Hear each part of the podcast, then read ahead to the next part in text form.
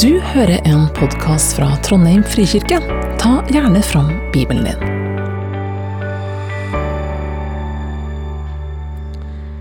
Yes. Ole Kristian heter jeg, som sagt. Prest. Og eh, skrev avhandlinga mi om synd, så det var egentlig på bakgrunn av den at jeg ble invitert. Men så har jeg jo hatt et liv etter jeg skrev den avhandlinga òg. Så det er jo litt sånn at eh, hvis du går tilbake og leser den, så er det ikke sikkert at jeg sier helt det samme nå eh, som jeg sa da. Eh, men hvorfor synd? Hvorfor akkurat dette temaet som vi forbinder med ja, kanskje litt sånn tung Noe tungt og noe dystert og noe vanskelig og Ja. Hvorfor akkurat synd? Det var kanskje akkurat det at det var tungt og dystert og vanskelig, som gjorde at jeg ville gå inn i det. Og jeg har en sånn forkjærlighet for de her store ordene i troa vår. Synd, tro, nåde Sikkert mange flere. Nå eh, svartna jeg litt her. Men dere skjønner hvilke ord vi snakker om. Så eh, Og en av grunnene til det er at vi ofte når vi snakker om de her ordene, så eh, opplever jeg at vi eh, At vi kanskje mm, tar litt lett på dem og bare tenker at det her vet jeg jo hva er. Jeg vet hva tro er. Jeg vet hva nåde er. Jeg vet hva synd er. Jeg vet jo det. Og så kommer vi med noen enkle fraser som vi har hørt en eller annen gang. Bom på målet. OK? Eller så handler det om eh, enkelte bibelvers og noen handlinger som vi forteller om. Kanskje vi tar fram de ti bud. Hvis du ikke gjør det som står her, det er synd. Så sånn, men hvordan ser det ut å ikke gjøre de tingene her i dagliglivet? Hvordan ærer jeg ikke min far, min far og min mor i det daglige? Altså Det der De der enkle, men selvfølgelige forklaringene som vi har fått, er det som jeg sleit med. Og jeg syns ikke at de var brukende til noen ting. Og egentlig forklarte meg ingenting. Og eh, jeg endte opp med ordet egosentrisitet. Det høres ut som et, enda et vanskelig ord, og det er det for så vidt. Men ego betyr jeg. Sentrisitet, altså jeg i sentrum. Det er innovervendt. Og Så skal jeg selvfølgelig komme litt nærmere inn på hvorfor jeg tenker at vi kan snakke om det på den måten. Men når jeg sier egosentrisitet og skal si hva er synd, så er det en mer overordna forståelse som skal hjelpe oss både i det daglige, men også når vi leser Bibelen. Hva er det som går igjen i de her handlingene, i de her bibelversene som vi tar opp? Hva er det som går igjen i det å ikke klare å leve opp til noen ting? Eventuelt å gjøre noen ting som er tydelig at ikke er riktig. Hva er det fra det jeg kan ta med meg til det neste? Og For at vi skal komme fram til de her tingene, det er overordna, så må vi kanskje endre litt på måten vi leser Bibelen på. Vi kan ikke drive med det her som jeg fortalte om. Finne en setning, og så sier vi 'det er synd'. Og så tar vi fram den, og så passer den veldig godt, for det er jo ikke det jeg driver på med. Det er det de driver på med. Og så finner vi bare sånne eksempler. altså Se, de driver på med. Og så sier vi gjerne også sånn her at eh, Nei, men eh, jeg, jeg faller i synd, mens de lever i synd. Så vi bruker Bibelen for vår egen del. Men for å få forståelse så trenger vi å se på, og det Bibelen bruker mest, gjentagelser. Og gjerne også kontraster. Altså ting som er likt, men også ting som er helt annerledes. Og det lærer oss å identifisere hva vi egentlig leter etter. Og når vi snakker om synd, så hvor er det vi må starte i Bibelen? Hva er det som legger grunnlaget for det som kommer til å gjentas gang etter gang etter gang etter gang senere? Jo, det er i Første Mosebok, i syndefallsfortellinga. Og også her har jeg blitt frustrert mye opp igjennom. Ikke bare de her lette frasene om synd, men her går vi til syndefallsfortellinga, og så er all, nei da, ikke all, men veldig mange opptatt av ja, men var det egentlig Adam og Eva? Og var det egentlig et eple? Nei, det var det ikke, for det står ikke eple. Men var det egentlig historisk? Skjedde det egentlig? Og det Ja, OK, det kan jo være at det stemmer, men fortellinga bryr seg veldig lite om det. Det er ikke det syndefallsfortellinga ønsker å fortelle oss. Og det ser du i det her med gjentagelser. I at det gjentar seg seinere også. At det er egentlig noe som handler om ikke bare der og da, men etterpå, her og nå. Om vårt liv, om livene til folk som kom etterpå. Det er noe som gjentar seg der. Hva forteller historien? Det er det vi vil fram til. Ikke fakta, men sannhet og visdom. Hva er sant om Gud, om mennesker, om virkeligheten? Og hva finner vi igjen seinere? Jo, vi er skapt i Guds bilde. Det kommer litt før syndefallsfortellinga. Men vi er skapt i Guds bilde. Skapt til fellesskap med Gud og med hverandre. Mennesket er gitt tilgang til og fellesskap og partnerskap med Gud. En spesiell plass. Og ikke minst, mennesket er gitt alt det trenger. Og de her trærne da, som starter hele problemet Der har Gud gitt menneskene en hel hage med trær som er forlokkende å se på og god å spise av. Men snakker egentlig Gud sant? Kommer en sånn slange og så sier du, kanskje du skal Se på det der treet som Gud sa at hvis du spiser av det, så dør du. For jeg tror ikke at du dør. Jeg tror at du virkelig lever. Du virkelig kan få kunnskap og makt og bli som Gud.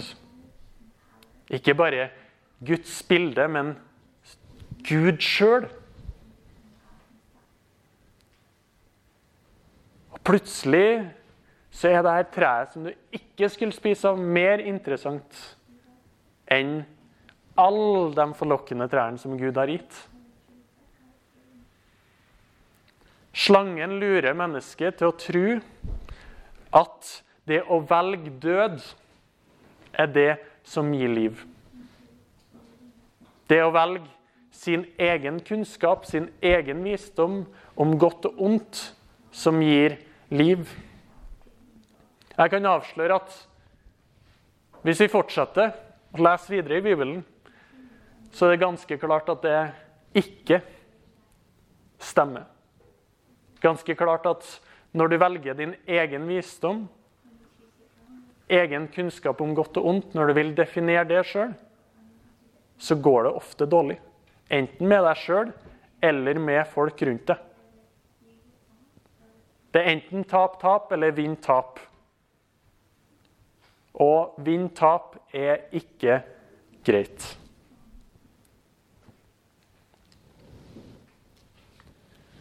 Og på en måte så får jo slangen rett, for de dør jo ikke direkte.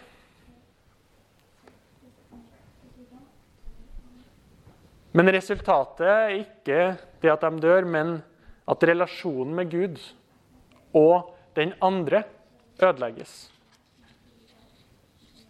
Vi har gitt fra oss tilgangen til livets tre, som gir evig liv.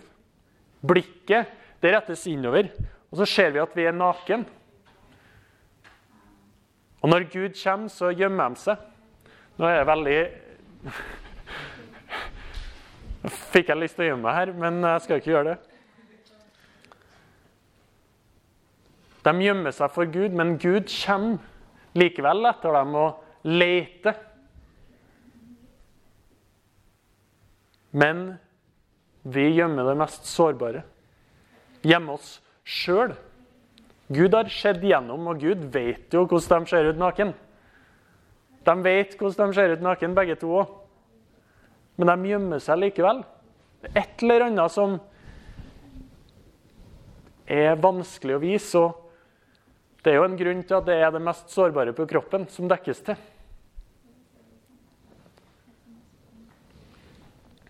Men hvorfor sier jeg 'vi' eller 'oss'? Jo, fordi det her er som sagt noe som gjentar seg, og det handler ikke bare om dem en gang, men om oss. Og vi ser at i Bibelen nå så er det, er det eksempler på det her at mennesket ser ser at det er forlokkende, og så tar de for seg sjøl. Og det kjenner i hvert fall jeg igjen i livet mitt, at ofte så er det det at jeg ser, og så tenker jeg at det her, det her er det som kommer til å oppfylle ønskene mine for livet. Så tar jeg og så ser jeg at tar bare etter luft. Hva er Det var ingenting. Og jeg prøver å lete etter den neste tingen. Vi bygger oss sjøl opp. Så prøver vi å skape noe på egen hånd. Babels tårn. Lag et navn for oss sjøl. Abraham. Gud loven noe ganske stort. Han skal bli et stort folk. Men nei, det tar for lang tid. Det tar for lang tid. Så Abraham gjør det på egen hånd. Tar saken i egne hender og får barn med Hagar. Israelsfolket i ørkenen det er, det er et kapittel for seg sjøl, eller ganske mange kapittel for seg sjøl. Om en gjentagende mistillit til Gud. Hvorfor leda du oss ut her? Kan du ikke gi oss mat? Og Gud gir dem mat, og Gud gir dem vann, og Gud gir dem det de trenger, men fortsatt så tar det for lang tid. David og Batseba det er jo en sånn klasseeksempel på gjentagelser. David ser Batseba, hun er forlokkende, og han tar henne for seg sjøl. Og det er mange mange flere sånne her eksempler. Og det er jo en sånn Begynn å lese og lete. Men de forteller oss hva synd er, sånn grunnleggende sett. Det er ikke noe utenfor oss sjøl. Det er ikke noe som ligger der som jeg bare OK, hvis jeg går bort fra det der nå, så har jeg slutta å synde. Da er det ikke noe inni her, i hvert fall, som synder. Nei, det er i oss. Og det er ikke bare et valg mellom godt og ondt, men det er nettopp at vi omdefinerer godt og ondt. Det er valget mellom Guds visdom om godt og ondt og vår egen visdom om godt og ondt.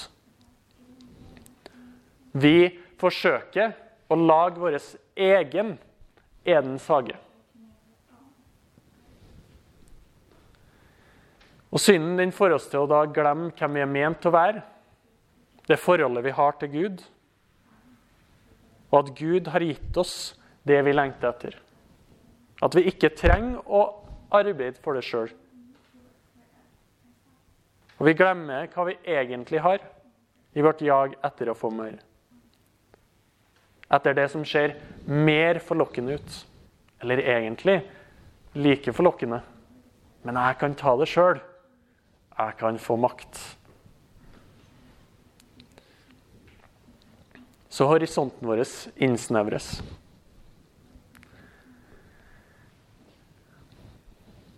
Vi blir da egosentrisk. Det er noen som har sagt innkrøkt i seg sjøl. Så jeg får ikke til å vise det engang. Sånn jeg ser for meg innkrøkt i meg sjøl. Jeg føler jeg bare blir en sånn bitte liten ball. Så knøvler meg sammen. Vi ser ikke lenger inn vår egen navle. Og I hvert fall til meg er det en ganske sånn dyp grop. Så det er vanskelig å komme seg ut av. Vi gjemmer oss, vi blir uærlige. Vi kler på oss en fasade. Og relasjonen med Gud den ødelegges. Ikke fordi at Gud ikke tar kontakt. Gud er der og ønsker at vi skal kle av oss.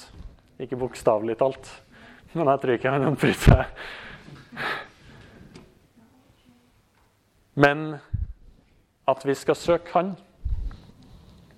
Vi lar ikke Gud være Gud og oss sjøl være den vi er ment å være. Og Gjengangeren er at alt begynner å handle om jeg, meg og mitt. Jeg og mitt blir meninga med livet. Det er ikke bare noen ting som foregår i livet, det er meninga i livet. Jeg skal være mektig. Og ikke på den måten som Gud viser at man blir mektig, men på min måte. Jeg blir sentrum for alt. Alt og all er til for meg. Og det her jeg blir meninga. Det at vi definerer godt og ondt for oss sjøl. Altså Selvrealiseringa er et godt eksempel på det. Hva er meninga med livet mitt? Jo, det er at jeg skal vi kommer oss ikke høyt nok engang for å vise hvor vi skal. For det er ikke noe topp. Vi skal bare bli et eller annet. Vi skal skape oss sjøl til et eller annet stort, men jeg vet ikke hva det stort er. Og så er det her godt og ondt og sannhet. Mening. Det blir noe som er opp til meg og deg og hver enkelt. Og vi tar Guds plass. Vi er ikke Guds bilde, men vi blir Gud. Kjærligheten er et godt eksempel på noe sånt. Som vi gjør til noe som handler om om jeg føler det, så er det kjærlighet. Men jeg vet at det ikke hver dag man føler det. Og at kjærlighet er mye mer enn det som handler om meg. Og gjerne så gjør vi andre til synd. Vi sier at hvis du hindrer meg i å få leve mitt liv, så skal du ut av livet mitt. Hvis du hindrer meg i å få tenke akkurat som jeg har lyst til å tenke, så skal du ut av livet mitt. Og ikke bare ut av livet mitt, men ut av livet til alle andre. Du er ferdig.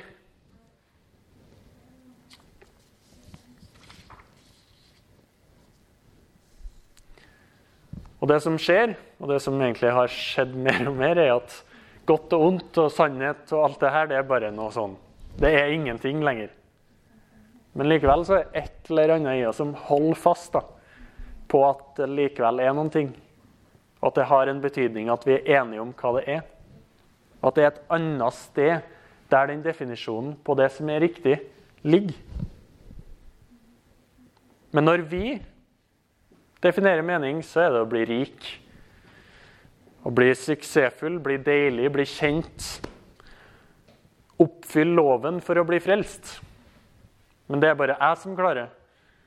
Og Jesus dere andre må hvile på nåden. Sant? Det er ikke sikkert at vi tenker sånn veldig klart sånn. Men jeg vet i hvert fall for min egen del at av og til tenker jeg jo litt sånn. Og jeg har også hørt i både taler og folk som snakker, at de tenker sånn. Du ser det i Lukas, den rike mannen. Den rike unge mannen som tror han har oppfylt alt. Og så blir han utfordra. Men ta så ofre litt av deg sjøl, da. Prøv det. Å ja, nei, nei, nei. nei. Det, det er jeg ikke med på. Jeg kan oppfylle de lovene jeg tenker er viktige her. Men ikke, ikke det. Ikke det som er grunnlaget. Ikke det som er grunnleggende i loven, og som Jesus egentlig oppsummerer loven med. Vær er utover retta. Mot Gud og mot den andre. Og så er det her 'jeg skal bli mektig'. Større enn andre.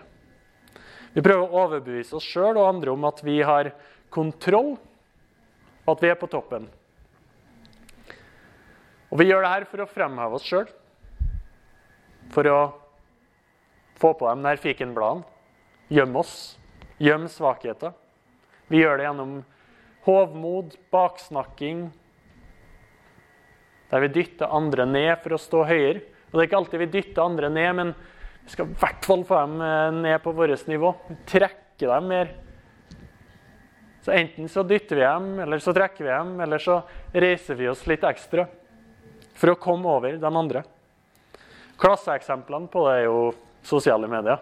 Altså Jeg blir mer og mer overbevist om at jeg har lyst til å være langt unna. Og det er nettopp for at jeg ser de her tingene om og om igjen der òg. Det er fasade, det er en egen identitet. Og vi setter opp en sånn OK, det her er meg, men se på den her. Sant? Det her er jo den Ole Kristian du har lyst å kjenne. Han som er her. Se da hvor flink han er. Sant? Hvor mye venner han er, har. Hvor heldig han er med livet og bare goddager.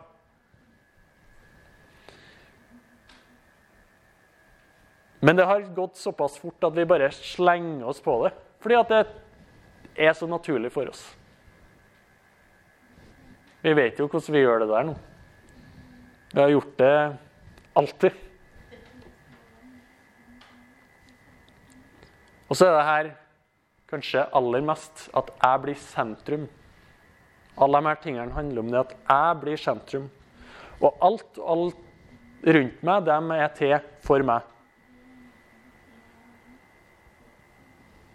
Så lenge det gagner meg, er godt for meg. Det leder ofte til en ansvarsløshet. At man ikke klarer å ta ansvar i eget liv. Og i hvert fall i relasjonene våre. Så lenge jeg får det jeg vil ha, så blir jeg værende i denne relasjonen. Men ikke hvis ikke. Hvorfor bry seg om det har negative følger for andre? Det er gode tar med seg noe godt for meg. Et eksempel der er overforbruk av natur og ressursene vi har rundt oss. Men jeg vil jo jeg vil jo reise masse. sant? Det er jo godt for meg. Men kanskje ikke så godt for andre, og spesielt dem som allerede er svakest.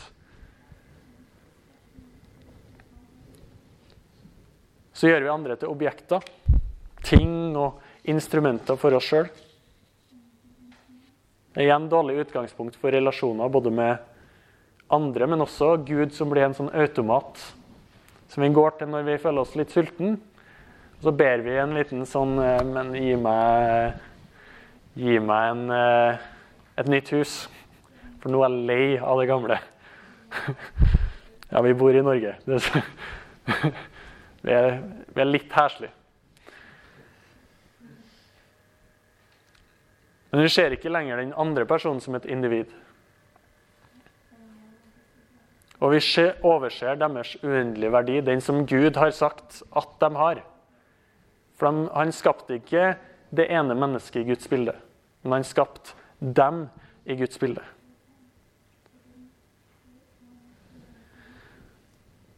Og kanskje klareste eksempelet på det her er jo med seksualitet. Sex.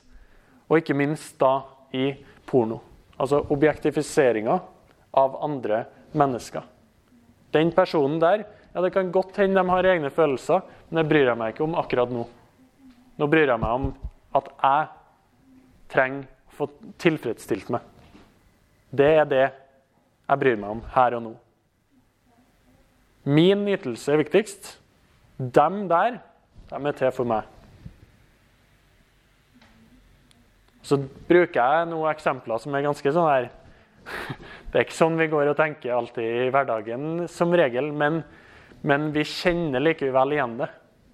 Jeg kan sikkert uh, ta en sånn Vi går på butikken, og så, men da er det kanskje ikke like lett å kjenne det igjen. Og jeg tror også at det her er altfor relevant for veldig mange. Og det går utover alt, Uansett om man ser på porno eller ikke ser på porno, så er det her relevant. Vi gjør folk til objekter. Ikke bare her, men også ellers i livet vårt. Objekter, instrumenter. Hva kan de gi meg? Når jeg skal ut og være sosial, så går jeg ut og så tenker jeg, ok, hvordan kan de her gjøre at jeg har det best mulig her og nå? Sant? Det er ikke jeg skal ut og så skal jeg se mennesker. Jeg skal se på dem så skal jeg møte dem som dem Gud har skapt dem til å være. Og jeg skal skape et rom der det er mulig å være ærlig, der det er mulig å være naken. Altså igjen Ikke bokstavelig talt, men billedlig. Det er bare greit å få understreke at det er det vi, vi snakker om. At vi ikke skal drive og kleve andre når vi kommer inn i rom. Men Bibelen viser oss ikke nødvendigvis de her tingene tydeligst i gjentagelser av de gangene menneskene feiler. De er ufattelig mange. Altså, Gamletestamentet er bare stappfullt av gjentagende eh, øyeblikk der det som skjer i syndefallsfortellinga, skjer om og om, om igjen. Jeg ga noen eksempler på det i sted, men jeg, jeg kan ikke Altså, vi kan sikkert starte et bibelstudie på det, men da må vi bare lese hele Gamle testamentet. Men tydeligst å vise oss gjennom kontrastene. Hva er motsetninga? Når lever mennesker liv som skaper liv, som er gudbilledlig? For det er målet. Å leve som Guds bilde. Sånn som Gud har skapt oss, sånn vi er ment til å være i fellesskap med hverandre og med Gud. Og Vi ser at gang etter gang så viser det seg at det er ganske godt å følge Guds visdom. Det er en ganske god ting å følge Guds visdom fordi det skaper liv. Den eh, kanskje første som eh, lykkes ganske bra med, er Josef.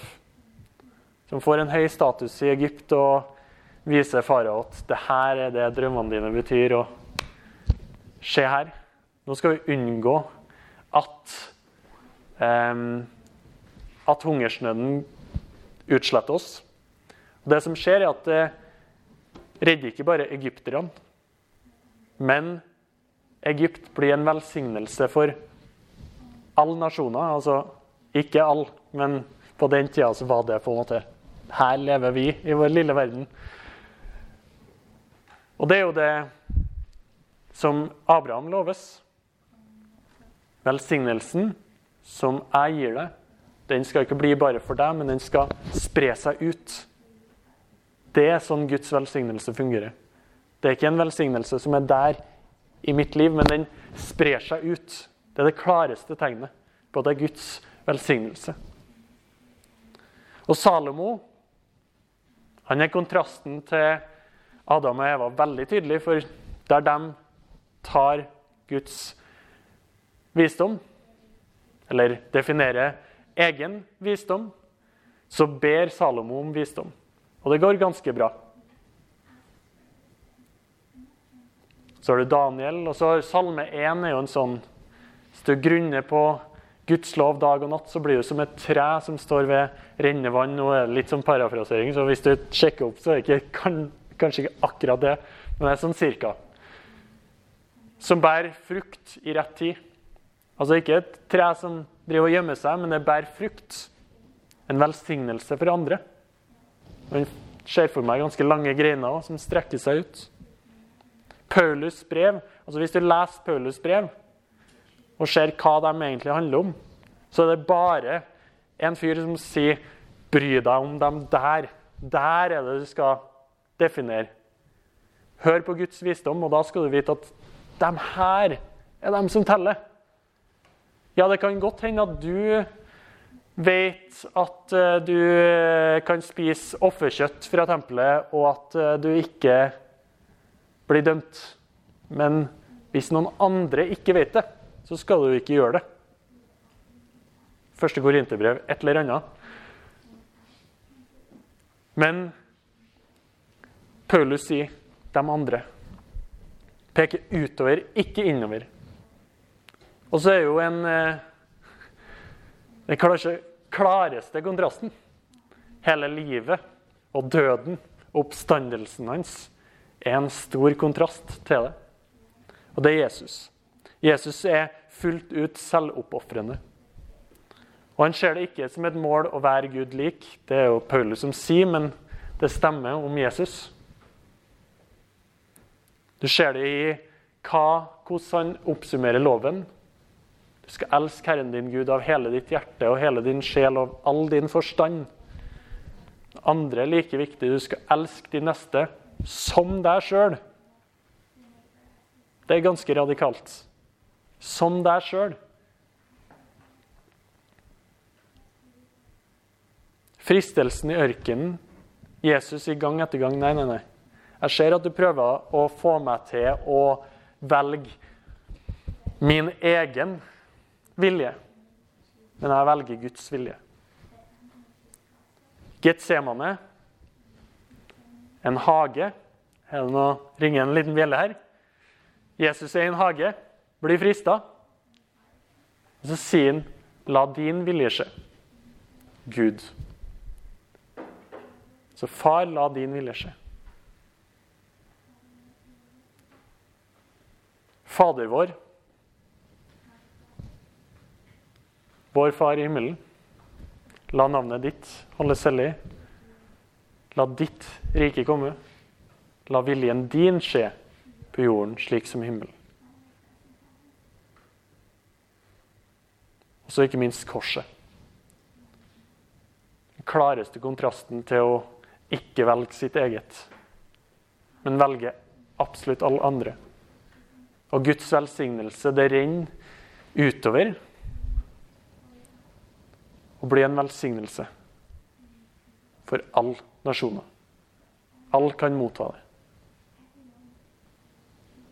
Ut fra det folket som fikk den lovnaden først. Så kommer det.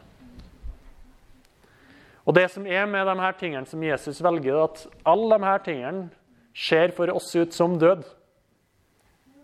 For meg ser det ut som død å velge noe som ikke er mitt.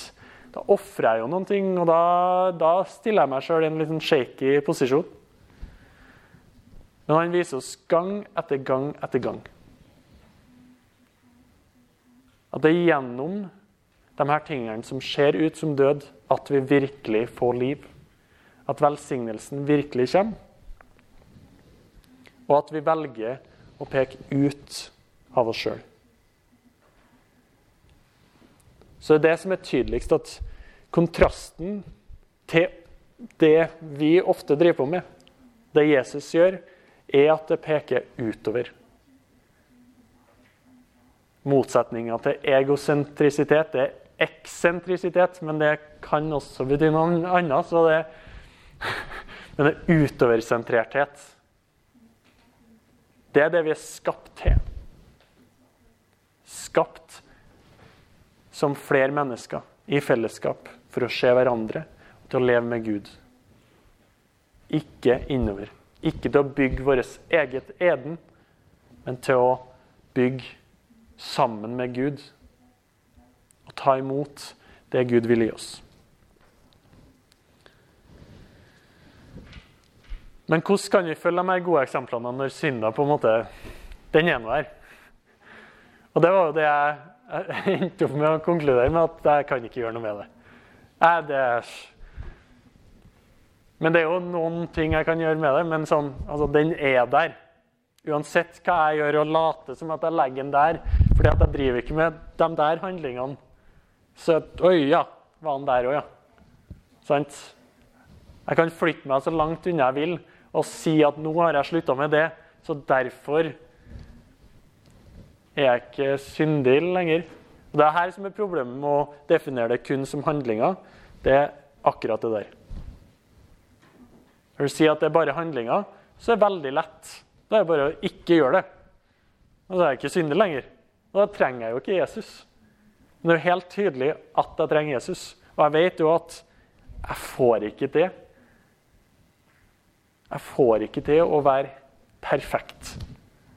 Og heldigvis, heldigvis har Gud vært så tålmodig at han sa det går greit. Jeg ser det her. Jeg gir opp. Han ga ganske tidlig opp. Rett etter Noah har gått land, så sier han nei, menneskene kommer aldri til å forandre seg. Og Da har ikke menneskene gjort noe ille engang, men Noah kommer til å gjøre noe ille. da. Men Gud visste det han fortsetter å jobbe med oss. Og jeg tenker at Selv om vi ikke klarer å fjerne oss helt fra det, så er det likevel noen ting som gjør at vi kan bli mer retta utover. Vi kan se ut. Vi kan se ut mot andre. Vi kan leve et liv som er litt mer retta mot det vi skal gjøre, enn det vi ikke skal gjøre. Blir vi låser oss ofte og blir egentlig bare værende i et sånn fangenskap i sinna fordi vi er så opptatt av Men jeg skal ikke gjøre det der, ikke gjøre det der. Så glemmer jeg at jeg må, det er noe jeg kanskje bør gjøre. Dette er det som er fint å gjøre, det er det som er godt å gjøre.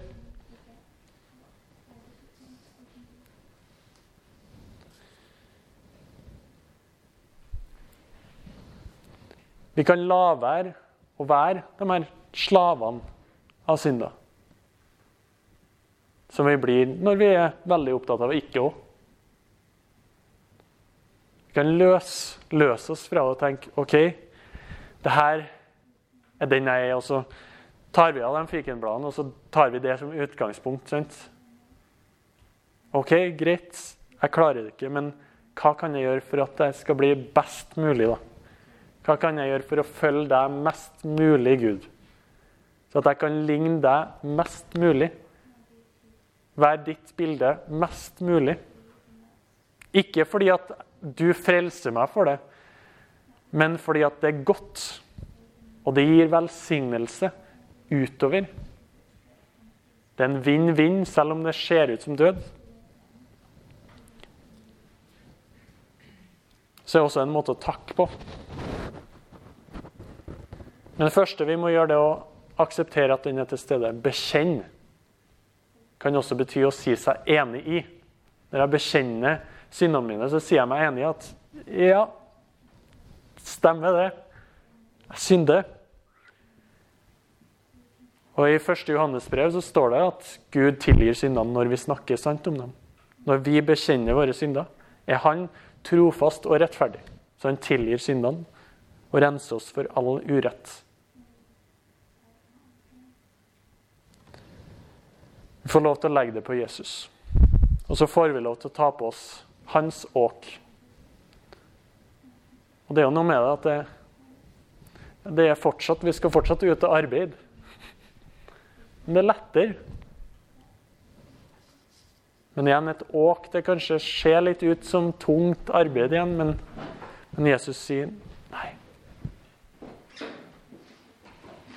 Vi må komme til Gud naken, vise oss ærlig, og så må vi søke Guds visdom om godt og ondt fremfor vår egen. Og for å gjøre det, for å se på det Gud ønsker for oss, så er vi helt avhengig av gode vaner. Jeg vet ikke om dere har prøvd noen gang å, å bare bestemt dere for å gjøre noe. Altså, Vi er jo i januar. nyttårsforsett. Sant? I år skal jeg bli flinkere på det der. Og så har vi ingen plan om hvordan vi skal gjøre det. Ja, jeg skal begynne å springe. Ja, OK. Men hvor begynner du? Vi må ha gode vaner. Jeg har sjøl slutta å snuse. Det var, jeg har prøvd mange ganger å bare si 'jeg skal slutte'. Funka aldri. Og så måtte jeg bestemme meg for at det her er rytmen jeg skal gjøre det i. rett og slett. Og sånn tenker jeg at det er med alt vi gjør. Vi kan gjøre det gjennom bønn. Gjøre oss bevisst på hva som er viktig for oss, men også sette oss i relasjon til Gud og gjøre oss villige til å lytte til det Gud har for oss. Vi søker utover, utenfor oss sjøl. Og kanskje skal vi begynne igjen sånn som de gjorde i bibelsk tid, at de ikke stilte seg sånn her innkrøkt i seg sjøl der òg, men at vi løfter blikket, åpner oss for det som skal komme. Vi kan hente vår kunnskap om godt og ondt fra bibellesing, bibelstudier. Som sagt, Salme 1. Fantastisk salme. Hvis vi grunner på Guds ord dag og natt, så blir vi som et tre. Så det krever jo en del, da. Men det er ikke bare at man leser, men også at man blir mint på det. Jeg tenker at En del av bibellesing det er ikke jeg tenker, Les det, og så kan det være at du ikke kommer, får med alt den første gangen. Men jeg tror at ved at vi går inn i det og leser det og prøver å forstå, så kan Den hellige ånd minne oss på det. Og så er det gode gjerninger. Kanskje den beste måten å bli flink på å gjøre godt. Når vi blir, ser hva Gud ønsker for oss, så går vi ut og så prøver vi å gjøre godt. Og De første gangene så kommer vi til å tenke nå var jeg flink nå. Og så går vi egentlig bare i samme fellene også når vi gjør godt. At vi blir veldig opptatt av oss sjøl. Men jo flere ganger vi gjør gode ting, og i hvert fall mot andre, jo flere Altså, jo mer vanlig blir det. Jo mer automatikk går det i det. Det her Glem Glemmer alltid hvilken hånd som skal gi, og sånt, men gi, så din, gi med den høyre så din venstre ikke ser det. Eller motsatt. Det. Men etter hvert så skal det Den som gir som du ikke ser, den skal bare fortsette å gi den mens det går rundt automatisk. Ikke fordi at jeg bestemte meg for det, for da er jeg veldig bevisst på at jeg bestemte meg for det, men fordi at den har gjort det så mange ganger. Og Det er sikkert noen av dere som har mer peiling på det, men det er vel noe med, med hvor mange ganger man gjør ting før det blir automatisert. Det er ikke mitt fagfelt. Men også det å minne oss på det utover den andre sett, elska, skapt av Gud og har uendelig verdi. Skapt i Guds bilde, dem òg. De fortjener alt minst like mye som oss. Det er vanskelig. Og mange av de her tingene som jeg har sagt nå, det er jeg forferdelig dårlig på sjøl. Skulle ha vært mye bedre. Men jeg tenker bevisstheten rundt det er det viktigste. Det å begynne med. Vi må identifisere det og bekjenne det. Da tror jeg at jeg er ferdig med det jeg skal si. Og så tenker jeg at det, Ja. Vet ikke om du vil si noe, eller Nei, jeg vil si først tusen takk. Det var skikkelig, skikkelig fint å høre. synes jeg. Eh, Jeg sitter i igjen med neste og tenke på. Eh, Ble særlig inspirert av at du klarte å slutte med snus. Takk. Det er vanskelig. Men kan jeg bare spørre deg, for Vi kan jo stille et spørsmål. Mm. tenker jeg, Kan jeg få starte med å spørre hva var din rytme for å slutte med snus? Det er jo veldig min egen interesse. Ja, nå, nå husker jeg faktisk ganske dårlig. Men altså det, det som var største motivasjonen, var jo egentlig at jeg skulle ha barn. Og jeg hadde lovd at jeg skulle slutte med eh, Men det som det starta med, var at jeg hadde en bestemt plass. Eh, og had, for at snusing er jo mye med vaner. sant? Altså film, OK. Sant? Når jeg er på Lerkendal, OK. Eh, etter du har spist, når du våkner, mange av her tingene. Men da å begrense det til én gang. Det her er det jeg har lov til å gjøre med den snusen. Så for meg var det det som fungerte. Men jeg, jeg tenker jo det, det handler om å både si til andre du må følge med, og så si fra nå har jeg lyst på snus. Eh, for ansvarliggjøring er jo godt, men også det der at eh, ha én plass. Fordi da blir det ikke gjennom hele dagen. Ja. Er det flere spørsmål? Kanskje ikke om snus. Men, Noe dere tenker på, eller kommentarer, tilbakemeldinger dere har lyst til å gi? Hva tenker du om skriftemålet? Jeg leste en plass at Martin Luther var veldig nær ved å inkludere det som et sakrament.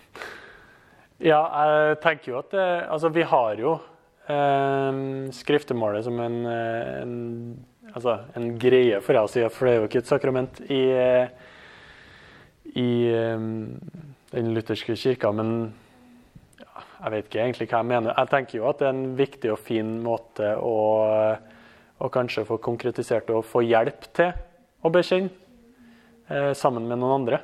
For det er ofte vanskelig å sette ord på sjøl og identifisere på egen hånd eh, hva det er som, eh, som kan gjøres. Men jeg, jeg har jo veldig trua på mye av det katolikkene gjør med vaner. Da. At gjør de her tingene om og om igjen eh, for at det skal bli bedre. Så jeg tror vi har veldig mye å lære av dem der. At OK, jeg hører, hører det du sliter med. Her har du noen rytmer eh, som kan hjelpe deg til å kanskje leve bedre. Eh, som, men jeg har ikke så veldig sterke formeninger om skriftemålet som sakrament eller ikke. Så det, jeg kan gjerne tenke på det mer og så gi et bedre svar en annen gang. Mm. Ja.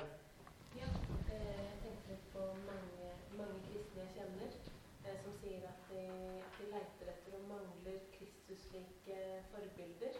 Mm. Gode forbilder.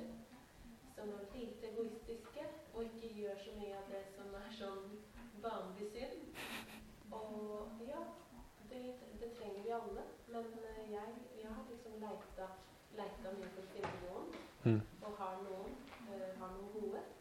Men andre, spesielt eh, menn eller gutter, sier at de, de leiter og leiter. Altså leiter så mye Mm. og finner ikke noen som de syns er eh, ja, eh, ganske bra. Mm. Mm. Som i forhold til sånn Jesus er. Så ja, hva tenker du eller dere? Nei, jeg tenker jo egentlig at uh, jeg kjenner jo meg igjen i at det kanskje ikke er så mange.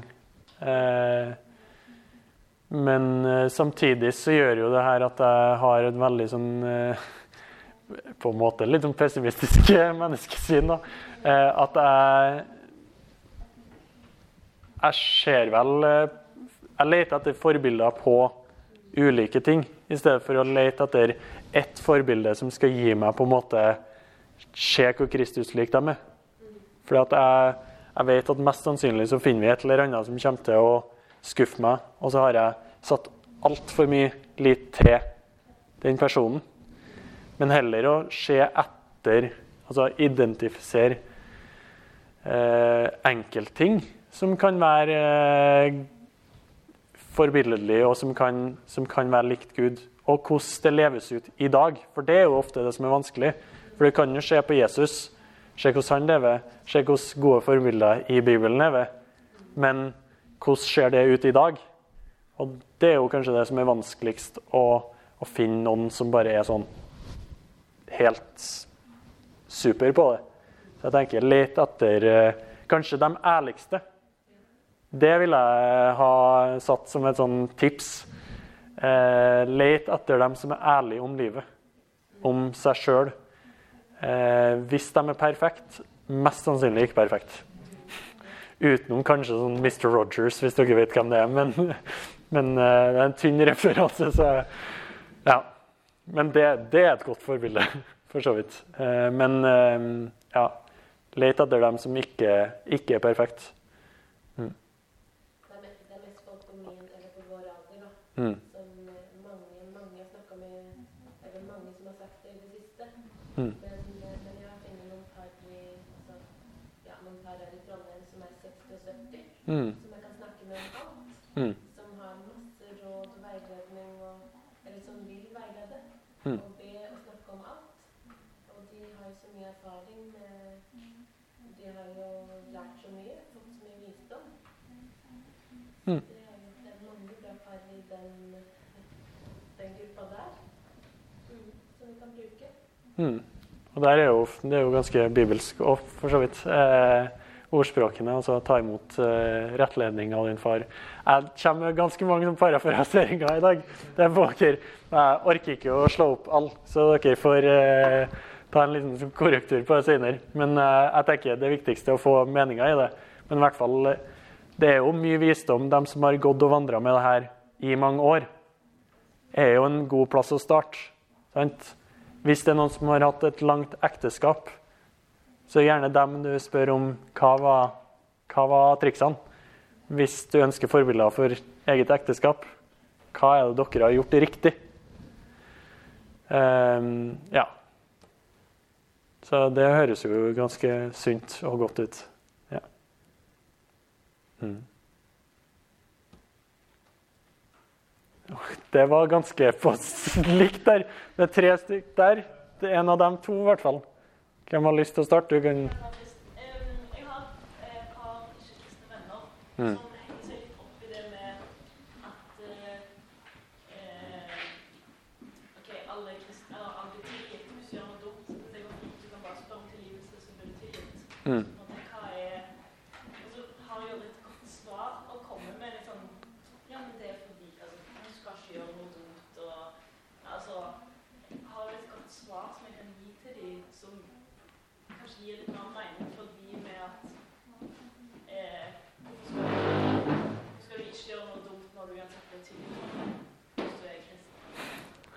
Ja, det ene er jo litt det der med på en måte eh, Hvis du gjør godt Altså gjør dumme ting for å bli tilgitt, så er du egentlig på jakt etter de samme tingene igjen. Hva er det i det for meg?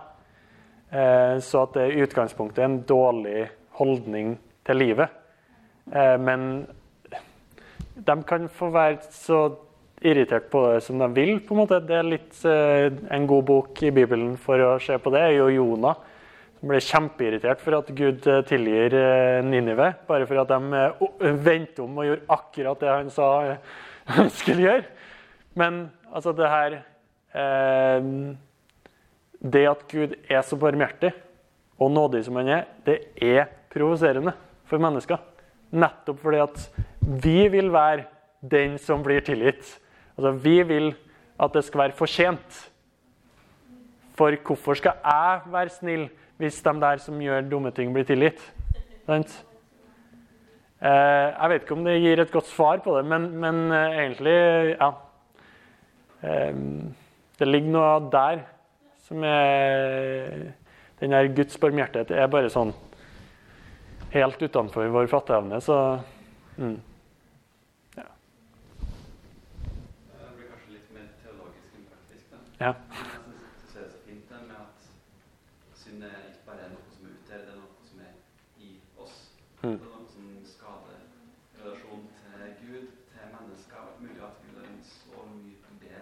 oss Mm. å gå. Så bare lurer på, er jo synd noe som en må bli befridd av? Eller frelst fra? Eh, ja. Eh, og så tenker jeg egentlig har jeg lyst til å legge til en ting. At det også er des destruktivt for oss sjøl. Eh, men jeg tror absolutt vi trenger å bli frelst fra det. Jeg tror at det Jesus gjør på korset, er å frelse oss fra det. Og gi oss fred. Og freden handler jo nettopp om helhet. Det å bli hel. Det å bli sånn som vi er ment å være. Hvis du ser for deg at synden er noe som på en måte litt sånn spiser på, på oss, at det gjør at vi ikke er hel Vi står ikke i rett posisjon som den vi skal være, men en sånn her forkludra versjon av det, så er det jo nettopp det at Jesus eh, fullfører for oss å vinne på sikt. da. For Fortsatt er jo en realitet, men, men den endelige seieren er jo at vi skal bli hel. At det freden skal komme eh, og gjenopprettes og bli fullkomment. Eh, så ja. Men, eh, men jeg, jeg, har ikke trua på at vi klarer å bli fridd fra her og nå. Det Ja. Jeg har dessverre møtt meg sjøl og for mange mennesker til det. Ja. Og du?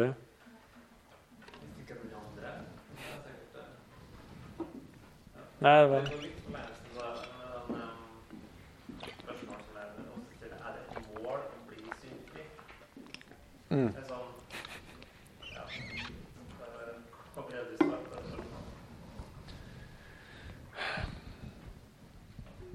Eh, ja, det er et vanskelig spørsmål å svare veldig kort på. Men eh, det er jo på en måte det. Eh, men Men altså, noen ganger må vi sette oss håra til mål. Og jeg tenker at det er et ideal som vi bør være bevisst på at vi ikke oppnår. Så det er et mål å bli syndfri, men eh, det er den eneste som kan gjøre oss syndfri, er altså Jesus. Eh, På egen hånd klarer vi ikke, og det bør vi være bevisst på. Men selvfølgelig å gå ut i frihet og prøve å leve så syndfrie liv som mulig, er jo selvfølgelig en kjempegod ting. Nettopp fordi at det er godt for oss sjøl og for andre. Mm. Ja. Har du noen tanker om det med selvutslettelse? Som Mm. man kan holde sammen med både man sjøl og andre har verdi? Til. Mm. Eh, ja, for det kan jo Det er jo ofte det spørsmålet Det er egentlig det jeg forventer, men eh, nå merker jeg at det var lenge siden jeg har eh, svart på det. Um, nei, det er jo det som er vanskelig, men jeg tror jo også at eh, For det gjerne så handler jo det om folk som allerede er i ganske sånn sårbare posisjoner. Eh, og det er jo selvfølgelig ikke Gud ønsker jo ingen eh, at noen skal gå til grunne sjøl. At noen skal destrueres. Og Det er jo nettopp litt av poenget òg, at, at det er Det er ikke det at det ikke skal være godt for oss, men om det blir hovedfokuset, så, så går vi i Altså det er to grøfter å gå i der. Men eh, hovedfokuset bør ikke være på at eh, at jeg skal komme til toppen, og da får jeg det bra. For det er jo noe med det òg. Hvis jeg har det dårlig ned der, så kan det være at jeg begynner å lete på plasser som kanskje er feil. Men så har jo Gud vist oss så at den veien han har for oss, er egentlig befriende. I at vi kan eh, bli glad i oss sjøl selv, selv om vi ikke er perfekte. At Eh, Han har vist oss at vi har verdi, selv om vi ikke er perfekt. Ikke fordi at jeg har gjort noe for det, men for at Gud sier at jeg har den verdien. Og Det er egentlig ikke så mye man kan gjøre sjøl, men det er å minne seg på at Gud har elska meg nok til å ha tålmodighet med meg, eh, og også ønsker at jeg skal ha relasjon til ham. Um, ja, sånn Det er bare å oppfølgings, eh, stille oppfølgingsspørsmål hvis det er noe mer dere lurer på. Ja. Har du inntrykk av at folk eh, stort sett har riktig bilde av hva synd er? Eller sunt bilde av hva synd er? Eller er det mye misforstått? Eh, Nei, jeg har egentlig inntrykk av at det er ganske usunt, ja. Eh, og det handler om dem Altså egentlig Det ene er å si eh, synd er ikke viktig. For Gud, altså Jesus har frelst oss. Så at det, da går du litt inn der at, eh, at jeg kan gjøre hva jeg vil, og, og vi går egentlig i samme fella igjen. Eh, men ellers så kan du gå i den handlinga og veldig en sånn der eh, plukke bibelvers. Og det, jeg føler oftest at det er der man havner. Eh, at eh, man blir veldig opptatt av det der å bomme på målet. Eh, det er jo det synd betyr, men, men, det er veldig sånn at det er enkelthendelser. At eh, nå har jeg synda når jeg gjorde det der. Eh, og så tror jeg nok at det jeg sier, ikke nødvendigvis er sånn her Wow, det var en helt annen måte å tenke om synd på. Men jeg tror at det kanskje kan hjelpe oss å eh, oftere tenke riktig om det i hverdagen òg. Så de gangene vi faller i den grøfta altså Når vi gjerne sier eh, 'det der var synda', og så må jeg bare slutte med det, så er vi ganske sånn her Jeg liker den der eh, klappe seg sjøl på skuldra-holdninga. At bare vi, vi får fiksa det, så kan vi klappe oss sjøl på skuldra. Um, ja. Nå mista jeg litt tråden, men uh, håper det var et greit, greit svar på det jeg lurte på. Men um, ja, jeg tror, jeg tror, uansett at vi må snakke mer og bedre om det. Uh, og at det ikke sånn uh, At det ikke skal snakkes om så mye at dere er syndere, men at vi er syndere, og det har på en måte Gud er Gud veldig innforstått med. Eh, og leter fortsatt etter oss likevel. Eh, og viser ekstrem tålmodighet òg. Ikke bare i Nytestamentet, men minst like mye i Gamle testamentet. Og det er også en liten kampsak for meg. At det der Gamle testamentet er ikke så hardt. Eh, hvis man bare leste med de eh, riktige brillene. Eh, og det vil si egentlig sånn som de skrev det. Så ja. Men eh, du kan, ta, altså, du kan jo ta, ut hva som helst derfra, og det blir, det blir moro, det. Så det, det, kan bli skummelt, og det, det, er jo nettopp det som er problemet. Vi, vi leser det inn i våre egne liv litt for mye. Eh, som med alt annet så er det ikke laga for meg eh, eller deg. Det er laga for oss. Eller først og fremst de folkene som leste først og fortalte først. Men, men det har betydning for hvordan vi eh, blir kjent med Gud, og også Guds visdom. For at du hørte på. Velkommen til gudstjeneste søndager klokka 11. Mer informasjon finner du på trondheim.frikirke.no.